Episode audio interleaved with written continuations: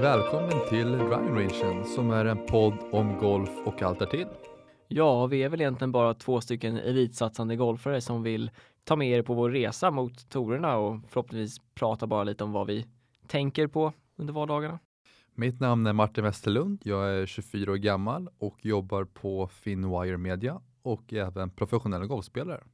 Och mitt namn är Olle Ryberg. Jag är 23 år, bor i Åkersberga, men spelar just nu golf och pluggar på University of Mount Olive, vilket är ett college i North Carolina i USA. Just ja. Tänkte prata lite golfbanor idag, Olle. Ja, vi spenderar ju väldigt mycket tid där, så det väl inte mer än rätt att vi har ett avsnitt som bara handlar om just golfbanor. Och vi har ju båda spelat mycket, dels i USA, lite i Europa, även mycket i Sverige. Precis, så vi tänkte mest prata om vad är det som gör en bana riktigt bra? Eh, vad är det som kan göra att helhetsintrycket går ner för en bana eller varför vi inte uppskattar dem lika mycket? Och också prata lite om våra favoriter som vi har spelat på. Och även collegebanor framförallt, för det är lite en annan uppsättning än kanske en annan van, vanlig bana om vi säger så då. Ja, definitivt. Bara hur de preppar dem och hur de är. Eftersom collegecoacherna får så mycket att säga till om just hur de vill ha för dagen. Men eh, vad är det som gör enligt dig en golfbana bra? Jag tycker mycket, mycket är helhetsintrycket av det hela. Men om jag ska säga vad som är viktigast, absolut viktigast, layout och griner. Jag, jag, kan stå ut med en fairway som inte är toppskick, men grinerna tycker jag är det absolut viktigaste i alla fall. För det är, blir så stor skillnad om en boll rullar bra när du puttar den eller inte. Um, är du på dåliga griner och slår en putt, den kan, en bra putt kan gå ur och en dålig putt kan gå i. Det blir mer som Bingolotto. Därför tycker jag det är extremt viktigt att greenerna är bra och tajta, för då, då uppskattar jag verkligen en bana. Eh, och det är någonting som man märker när man kommer till riktigt bra banor, där alla säger att åh, du skulle sett hur grinerna var, de var så bra det är i alla fall det jag tänker på i första hand. Vad, vad tänker du på när du hör en bra golfbana? Ja, det är sällan man varit på bra golfbanor där, där grinerna inte nämns kan man väl säga. Men jag håller med dig, grinerna är otroligt viktigt. Dock, jag, jag, jag gillar ju att putta mer på griner där det faktiskt rullar snabbt.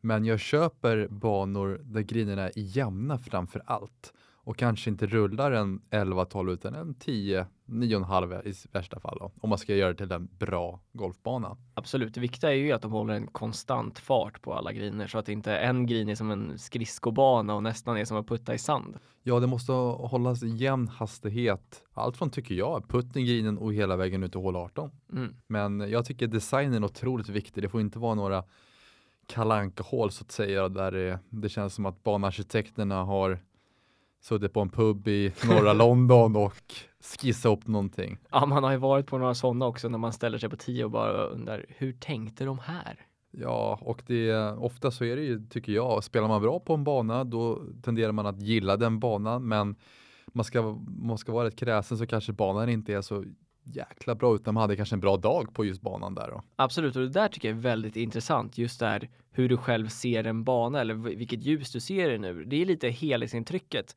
Direkt när du kommer till parkeringen, redan där börjar upplevelsen här hur en klubb är och hur banan är. Um, hur fint är det just, ja, vi kan börja på parkeringen liksom. Är det en stor fin parkering? Sen kliva upp till klubbhuset. Vad får man för bemötande där? Hur ser det ut runt omkring? Och mycket av sånt här påverkar mycket hur man själv tycker att banan är.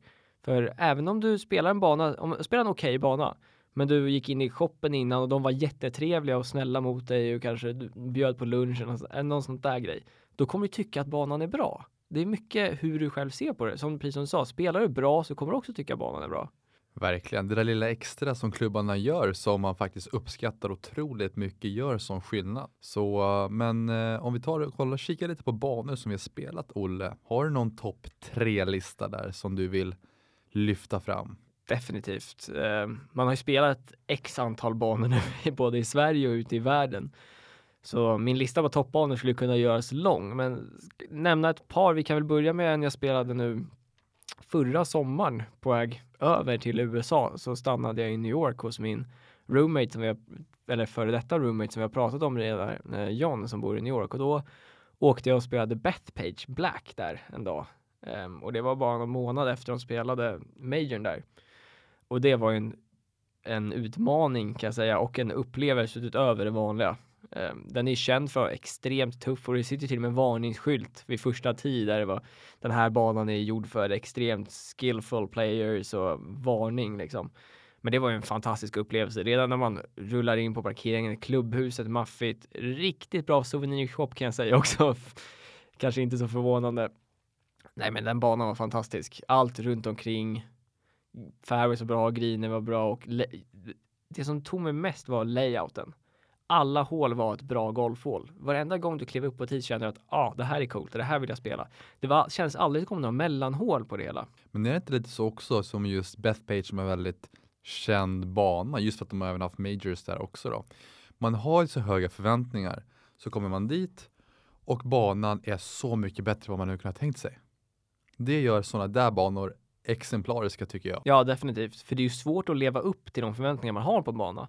Men när de lyckas, då är det ju magi. Verkligen. Bara på tal om eh, historiska banor. Jag spelade Pebble Beach för några år sedan och även där som har målat upp en bild hur det ska vara. Det är mycket historia. Så kommer man dit och så ser man alla känner namn på tavlorna där och man får den här känslan bara det här är ett speciellt ställe. Det har hänt så mycket häftiga golfslag här som har förändrat golfhistorien. Tiger 2000 bland annat då. Ja, absolut. Och just den banan, jag tror jag aldrig eh, just njutit av historien och banan i sig så mycket. Fantastisk bana. Och ja, det var väl allt som man hade förväntat sig på en sån här anläggning då. Men det är just att man har höga förväntningar, kommer dit och banan bara är så mycket bättre tycker jag. Ja, men där är också häft det häftiga med att det är helheten. Det finns så mycket historia till både banan och klubben och allt som har hänt där.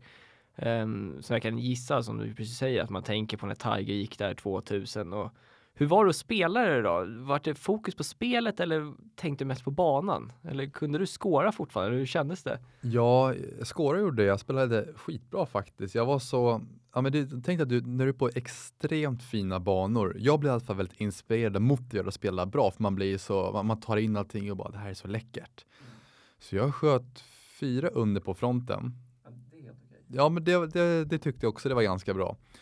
Eh, baknian gick väl eh, mindre bra. Jag kom in på par totalt eller något ett över kanske då. Men jag tror jag, jag njöt så mycket bara att vara där liksom. Och just som du säger, all historia och allt sånt där och helheten. Man har sett så många bra highlights från banan. Så nej, det var en extremt cool upplevelse kan jag säga. Ja, man är ju lite golfnörd så bara kliva runt på en fairway när man tänker att okej, okay, här har Tiger och alla de stora namnen gått man, jag gick ju Bethpace och kände att ah, här var Brooks Kepka när han vann sista, på sista varvet där och tänkte vilka slag han slog. Och jag tycker man uppskattar mycket mer det de gör också när man får testa på det själv. För när de killarna spelar de här banorna så har de ju preppat dem något så extremt hårt också. Det är ju så svårt det kan bli egentligen. Verkligen. Och att de då skjuter de skorna de gör, det är ju snudd på otroligt. Man får sån respekt för dem också när man själv är där ute och hackar runt mot när de är där i tävlingssetup. Att det är, det är lite annat, plus all publik och det är en annan press. Och så. Absolut. Men eh, vad har du för annan bra bana du vill lyfta upp? En annan bana som jag spelade, har spelat två stycken tävlingar på under min collegeperiod, vilket jag lyckan att göra är Kiowa Island som ligger ute vid kusten i Carolinas fantastisk bana. Också, så, precis som du nämnde, mycket historia. Vi har haft Ryder Cups, vi har haft Majors, vi har haft ja, Brent Snedekers duffade chip. Nej, men det är mycket som har hänt där och det, det märker man på ett sånt ställe. Det, det ligger någonting i luften som är speciellt för sådana banor. Och sen layouten är någonting utöver det vanliga. Ligger längs strandkanten. Um, första nio går en vindriktning och nej, det är magiskt. Allt från finish till layout till fairways. Uh, det, det, bra banor är steppet över på Man kan spela okej okay banor, så kan man spela de här som liksom sätter ribban för vad en riktigt bra golfbana är. Och det här var nog den andra jag spelade någonsin som jag kände att okej, okay, det här är riktigt bra på det sättet. Så det, det var en helt fantastisk upplevelse faktiskt. Eh. Och som sagt, jag spelat två college-tävlingar där, så jag har spelat fyra varv på just Ocean Course. Då. Sen har jag varit och spelat Kivas andra banor också, Osprey, men just Ocean Course är ju den mest kända som alla gärna vill spela. Och det, den var magisk verkligen. Sen tycker jag också vad som gör sådana där banor så bra som de är, är att säg om du missar fairway ut i ruffen, kanske där man inte bör vara. Även sådana områden tar de hand om så jäkla mycket. Man kan spela många fina banor i Sverige där de verkligen struntar i vissa områden lite utanför ruffen där de verkligen bara, men här kanske folk inte kommer. Men på sådana där banor, där, där tar de verkligen hand om just det där lilla extra som man säger. Jo, men det är det där just lilla extra som jag tror är extremt viktigt och det tror jag vi kommer diskutera mer längre fram i avsnittet också när vi pratar om vad som verkligen är bra eller mindre bra banor och vad som gör det lilla extra. Men just helheten att även en område som inte alla är på, även det är välskött. Och det gör ju väldigt mycket med hur man upplever banan. Så vad är din nästa på listan då Martin, av bra banor? Det måste faktiskt vara en bana jag spelade här om veckan när jag var nere i södra Spanien. Jag spelade Soto Grande La Reserva. Jag tror det måste vara en av de bästa banorna jag har spelat. Då. Den ligger granne med eh, Valdrama, för det som känner till den banan. Och Många säger att den här är faktiskt just bättre än Valdrama och jag har inte spelat Valdrama men eh, Så du kan inte uttala dig men Jag kan inte uttala mig men jag köper resonemanget. Nej, men det är själva helheten. Du kommer dit, så fort du öppnar bakluckan så kommer en golfbil, tar bägarna, kör dem fram till Andersen klubbhuset. Du har redan checkat in via telefonen, du går och sätter restaurangen, tar en kopp kaffe, lite frukost. Du går ut och har lunchen, du har TP5-bollar i grästid, du har fina liksom, övningsytor, du bara kör på. Och sen är det dags för en tea time, du rullar upp och sen står en starter där, pratar lite om banan, och skulle lycka till. Och sen när det väl där ute, du, du ser knappt några andra för det är så dels bra distans mellan bollarna mm. och ja, men det är helheten, fantastiska griner och designen är ja, helt spektakulär. Mm.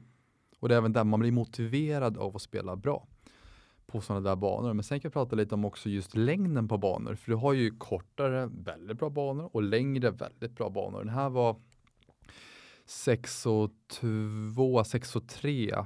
Nej, förlåt, 6 och 4 från den tiden jag spelade ifrån.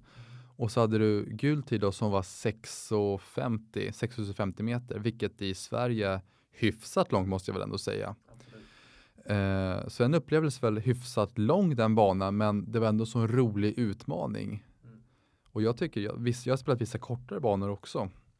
I, eh, USA spelade, nu hoppar jag lite här då, med eh, Breakers ute på Palm Beach i södra Florida och den var det var kortaste banan jag spelat. Den var inte mer än en blå bana i Sverige då. Men fantastisk finish, så strategisk. Så bara för att en bana är kort gör den inte automatiskt dålig tycker jag. Nej, nej, jag skulle vilja säga tvärtom. Jag tycker att det är det är ja, slarvig bandesign om det enda svårigheten man har är att det är långt. Det går att göra ett par tre jättesvårt om du gör 250 meter. Men är det verkligen är det verkligen eh, rimligt eller är det som ska vara grejen?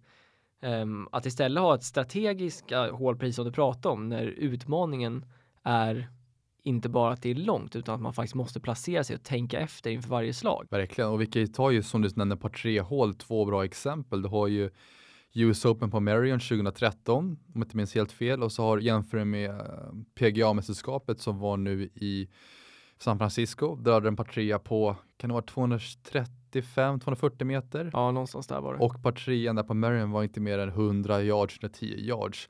Men du ser ju så, det är så mycket roligare att se folk attackera tuffa griner, gömda pinnar, mm. än en lång par där du, ja men up and down par, liksom två putt par. Så det där är en liten diss tycker jag till längre par tre hål overall. jag, jag är benägen att hålla med faktiskt. Och det som är fascinerande också är att är det kortare hål, då skulle gemene man som slår lite kortare kunna testa det på ett helt annat sätt. Att ha en mellan slash höghandikappad som ställs upp par tre på som är 235 meter, ett par fyra som är över 450 meter. Det kommer inte vara kul för han har inte ens en chans att nå det. Men har ett hål som är kort så att det inte ens är längden som är avgörande men hur man faktiskt slår slagen där, där är mycket nyckeln till vad jag tycker är bra golfhål. Verkligen, och ett bra exempel eh, var när jag spelade Soto Grande nu här veckan, hål 6 i en par femma som är, det droppar kanske 30 meter, står ganska högt upp då. Det är svag doglig höger så du, du ser kanske bara 250 meter ut på fairway, sen ser du inte så mycket mera. Träd höger, vänster. Vid green så är det smal green, vatten hela högersidan. Vänster om green så är det en liten runoff så det är liksom en liten gryta och tjockruff ingen jättebra ställe men bättre än vatten. Mm. Och då har du kanske 15 meter fairway, 20, 20 om jag ska generösare kanske då. Och träffa, är du inte där så är du out höger, vänster, ja men då får du hitta bollen då. Och par femman är väl inte mer än kanske en 300, eh, förlåt 450-480 meter. Men lyckas du träffa den här smala fairwayen där uppifrån så kanske du står in med ett mellanjärn in så att säga. Då. Och sådana par femmer upp tycker jag är så jäkla roliga, måste jag säga. Risk and reward. Ja, men verkligen. Jo, men jag håller helt klart med. Det är, det är roligare att verkligen planera hur du spelar än att bara slå den så hårt du kan och gå vidare. Mm. Okej, vad är nästa bana på din lista då Martin? Vad har du? Ja, jag har ju några på min lista här, men om man ska prata om någon till som eh, folk kanske känner igen som jag spelat är eh, Cypress Point som ligger i Monterey, eh, ja, 17 mile drive som är eh, ganska privat. Ja, det här är ju en bana som är på mångas bucket list för alla golfare som de flesta inte får uppleva under sin livstid heller. Nej, exakt. Och du kommer bara ut om du känner någon medlem där. Så vi hade en till vårt eh, skolprogram som donerade till det och han var medlem där så fixade ut oss och vi, vi var helt ensamma på banan hela dagen. Och du har ju hört så mycket om banan men du visste ingenting om det för det finns knappt någon information. Jag tror det finns någon banguide online kanske men du visste inte så mycket. Så du kommer upp till klubbhuset och det här ligger vid havet, ja, nära Pebble då, för er som inte vet. Och eh, första hålet så pekar ut bokstavligen 10 meter från klubbhuset och du kollar runt vart, vart ska vi? Nej, men du ska över den här lilla vägen där bilarna kör. Och sen var det, jaha okej, okay. så slog vi. Och det var som att, ja, om det nu finns en himmel så var det som att vara spela där uppe kan jag säga det. Det var mäktigt kan jag säga. Just allting var top notch plus lite till. Ja, nej men det är, jag köper allt, säger man har ju sett bilder bara därifrån och det låter ju helt magiskt. Det gör det ju. Verkligen. Så overall fantastisk bana. Det, man kan prata länge om just allt det där extra som den gör, men just helheten, man har hört mycket som vi sa, bygger upp förväntningarna och förväntningarna slår dem. Så fantastisk bana då. Men eh, själv då, vad är näst på din lista? Alltså, jag måste ju nästan göra det, men jag tänker ta en del avsnitt och ändå prata om vår nya bana på Österåkers Golfklubb. Och det här är inte, jag får inte betalt av klubben om någon tror det eller även en del av elitsatsning. Så indirekt får jag väl det. Nej, men vår nya bana. Eh, vi hade ju Västerled och Österled förr i tiden. Hade Hagby också nio, nioårslängan som vissa kan ha spelat. Men så gjorde vi oss av med Hagby, har kvar Väster, men så gjorde vi en hel ny design och ett helt nytt bygge på Österled som vi tog hjälp av Henrik Stensson som jag tror att många som lyssnar på den här podden har inte har missat att han var och jobbat på vår bana och resultatet de fick fram, alltså det slår ju allt jag hade kunnat förvänta mig. Man trodde det skulle bli bättre än vad det var, men alltså det är ju helt magiskt. Det är ju en bana som direkt klättrade in på topp 10 i Sverige första året. Och jag skulle säga att den är ju slagkraftig för att vara, ja, i alla fall topp 5 i Sverige, lätt. Jag är beredd att hålla med dig och gå ännu längre så. Jag har inte, man har spelat väldigt bra banor i Sverige, det har man verkligen gjort, men just finishen och allt runt om gör den så fantastiskt bra och jag tror jag inte har spelat många bättre banor i Sverige. Nej, alltså jag är benägen att hålla med. Jag skulle säga att jag, kan inte uttala mig, jag har inte spelat Stadium Course i Brohof som är känd. Inte heller spelat Visby och det är också någon som folk säger är fantastisk, den banan som alla hävdar är den bästa i Sverige. Men just just Österåkers nya satsning med alla delar av klubben också. Det är, banan är exceptionell och på det sättet att alla kan spela och ha kul det är ju precis som vi säger, det är en bana som det är mycket risk and reward. Du får hela tiden välja dina egna spellinjer, så den går att vara jättesvår om du väljer ett svåra slag, men går också att spelas lättare, vilket gör att den passar för alla som spelar den. Men just helheten på klubben också. Vi har helt ny range, det är ett helt ny wedge-område och banan. Det, det, är det här vi pratar om, det, här, det lilla extra och helheten har ju blivit helt fenomenal nu för tiden. Verkligen, och det kommer bli väldigt intressant att se nya Västerled när den blir klar. Det kommer bli, ja, som du säger, just helheten, två fantastiska banor. Eh, korthållsbanan i världsklass, driving range som är grym eh, från båda hållen då. Ena sidan, eller båda om du är medlem ska jag säga då.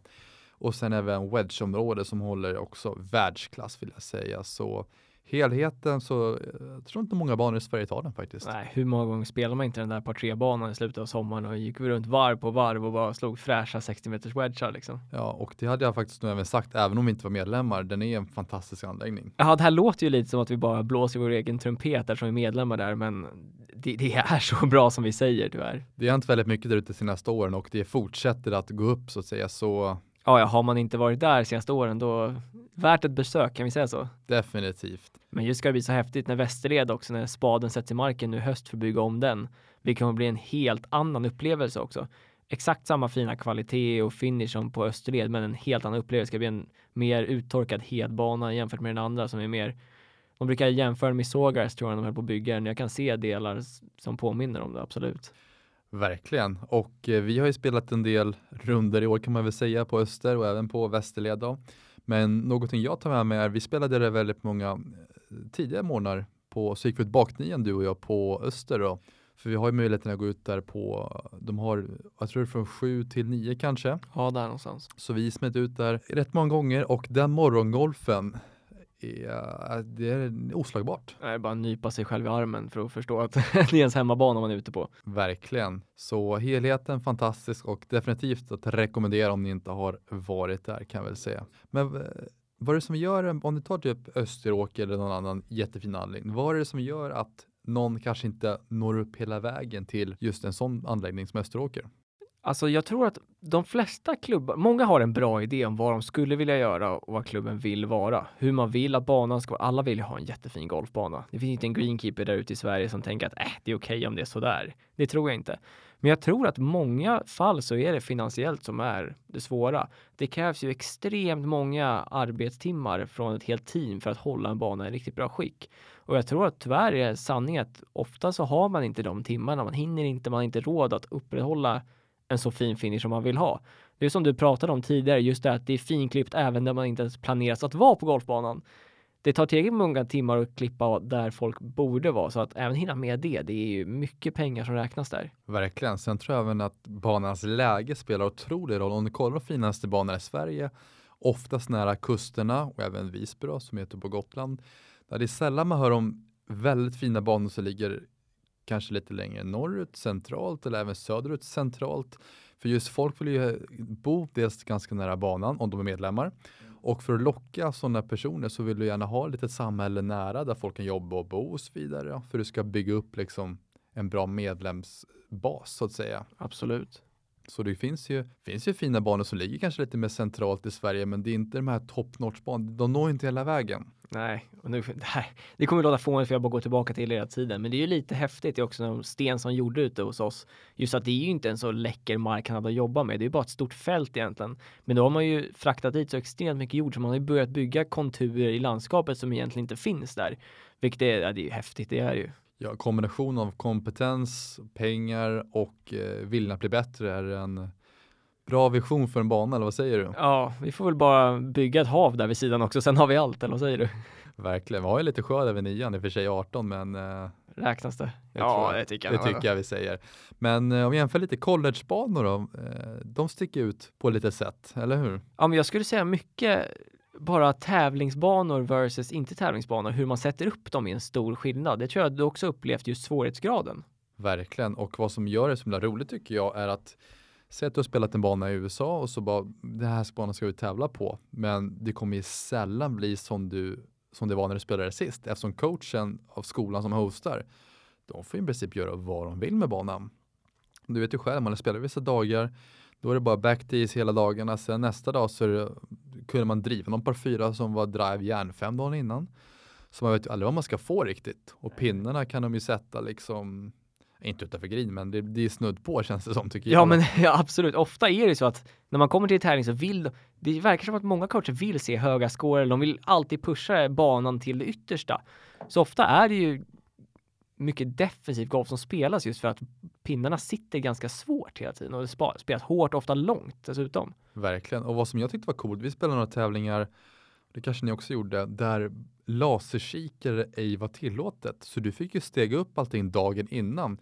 Och jag tror nästan jag spelade, inte bäst, men jag spelade inte dåligt då kan jag säga i alla fall. Ja, vi var ju där tillsammans sista, Durang Golf Club. Nej, men precis. Och då var, nej, men det var ju ett, just att det var ju första gången på ja, 6-7 år som man spelade utan att veta exakt hur långt det var till allt hela tiden. Och det var ju en spännande upplevelse när man helt plötsligt behövde lita på någonting som man inte visste stämde.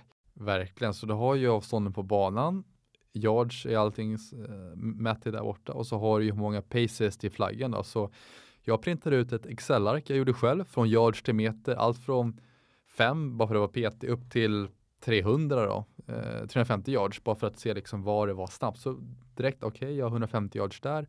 upp med banguiden, tjoff, det är så här många meter och så har du paces så får du lägga till och ja, det var kul tyckte jag. Men det är lite spännande också just det att på temat att collegecoacherna gör vad de vill. För han, coachen på den skolan, hade ju låtit sina egna grabbar vara där ute senaste månaden och spela utan just laser då för att de skulle vänja sig vid det.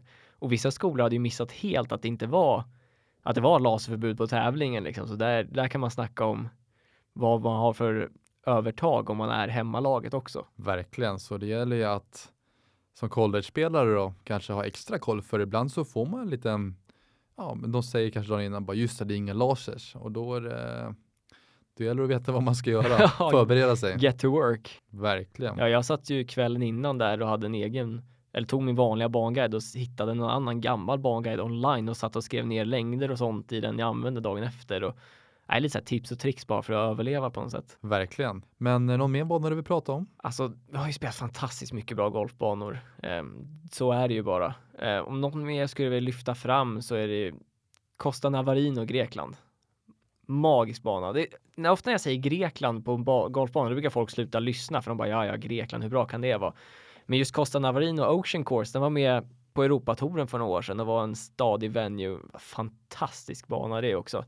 Men det var just också för jag förväntade mig inte så mycket. Jag kunde inte så mycket om det när jag åkte dit. Det var min pappa som bokade resan. Det var jag och han som var där. Han en fantastiskt kul vecka, men det har man ju ofta när man är på golfresor. Men just att jag inte visste någonting riktigt om det när jag åkte dit och så visade det sig vara en bana som är i torskick liksom. Det var ju återigen det med förväntningar. Då hade jag inte ens några och så visade det sig att det var så sjukt bra.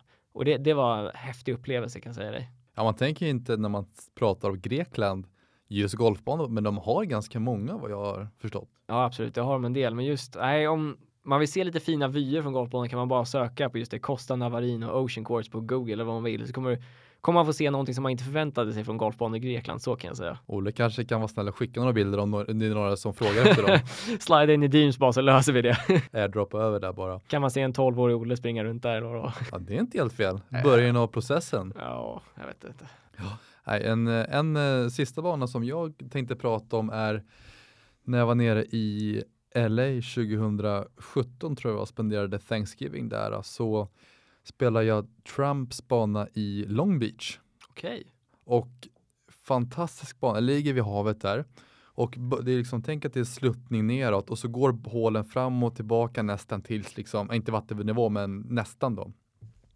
Och den var sinnessjukt tuff. Jag spelade svart i för att bara, testa. Den var väl, ja nu har jag inte det i huvudet då, men det var lätt över 6 och 5, 6 och 6. Det var långt. Den var lång. Um, det, det, det, svåraste var innan fairway. Du behövde en carry på minstone 2.30-2.40 för att ens komma ut. Galet. Och innan fairway så har du ju buskar, bushes, allt slutar ner vänster och där är nästa hål och där är det bush och träd emellan. Herregud. Så Ja, och jag minns att jag inte hade den bästa veckan med driven så det var lite det var kämpigt. Det var lite kämpigt där, men vilka vyer, det var också så här helhetsintrycket, allt var lite, lite extra. Mm. Så det tycker jag vi uh, sätter punkt för vårt uh, för vår lilla golfbanemecka som vi har byggt upp. Exakt, och vi kan ju ta upp det här i ett annat avsnitt också när vi känner för det. Ja, det här kommer ju vara ett stadigt koncept att vi pratar om golfbanor eftersom den här podden mycket är att vi pratar om vilka tävlingar vi har spelat och hur det har gått och så där. Så då kommer vi också diskutera banorna vi har spelat och berätta vad vi tyckte om det och vad som var bra eller dåligt. Verkligen. Men eh, tack för idag Olle. Tack för idag Martin. Ciao. Ciao.